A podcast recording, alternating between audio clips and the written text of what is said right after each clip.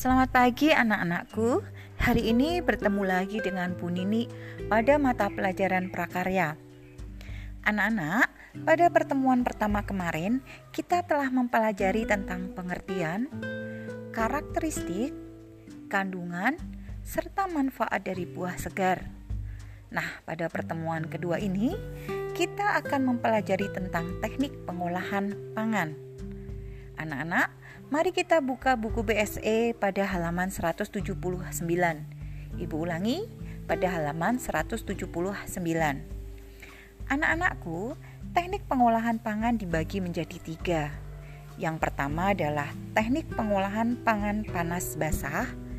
Yang kedua adalah teknik pengolahan pangan panas kering. Dan yang ketiga adalah teknik pengolahan pangan lainnya. Tentu saja teknik ini di luar dua teknik di atas. Oke, kita bahas satu persatu. Yang pertama adalah teknik pengolahan pangan panas basah.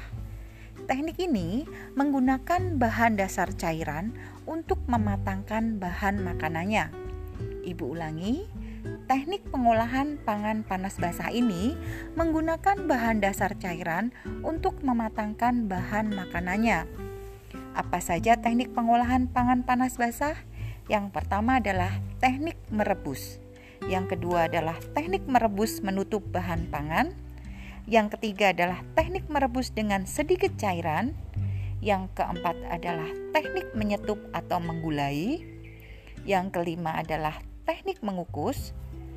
Yang keenam adalah teknik mendidih dan yang ketujuh adalah teknik mengetim.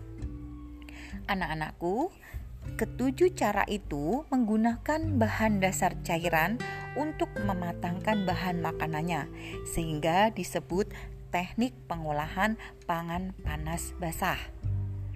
Yang kedua adalah teknik pengolahan pangan panas kering.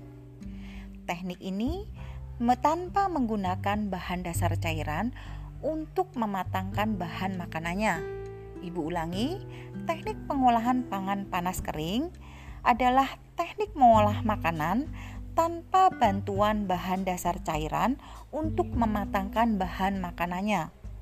Apa saja yang termasuk dalam teknik ini? Yang pertama adalah teknik menggoreng dengan minyak banyak. Yang kedua adalah teknik menggoreng dengan minyak sedikit. Yang ketiga adalah teknik menumis.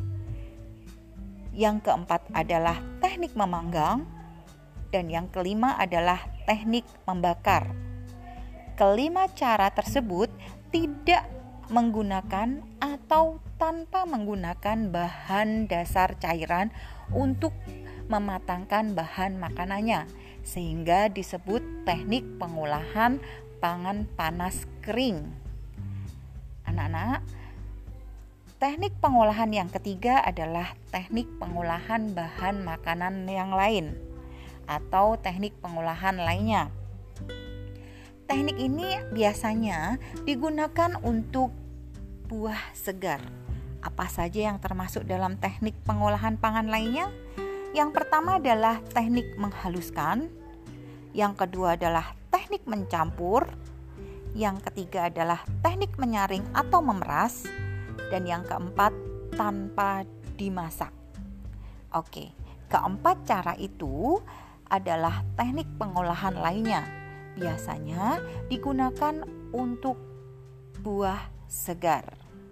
Anak-anak, untuk lebih jelasnya, kalian bisa membaca materi pada lampiran yang telah Ibu sampaikan di Google Classroom kalian masing-masing atau bisa membaca buku BSE dari halaman 179. Oke anak-anakku, selamat belajar, tetap semangat dan tetap menjaga kesehatan. Selamat pagi anak-anakku.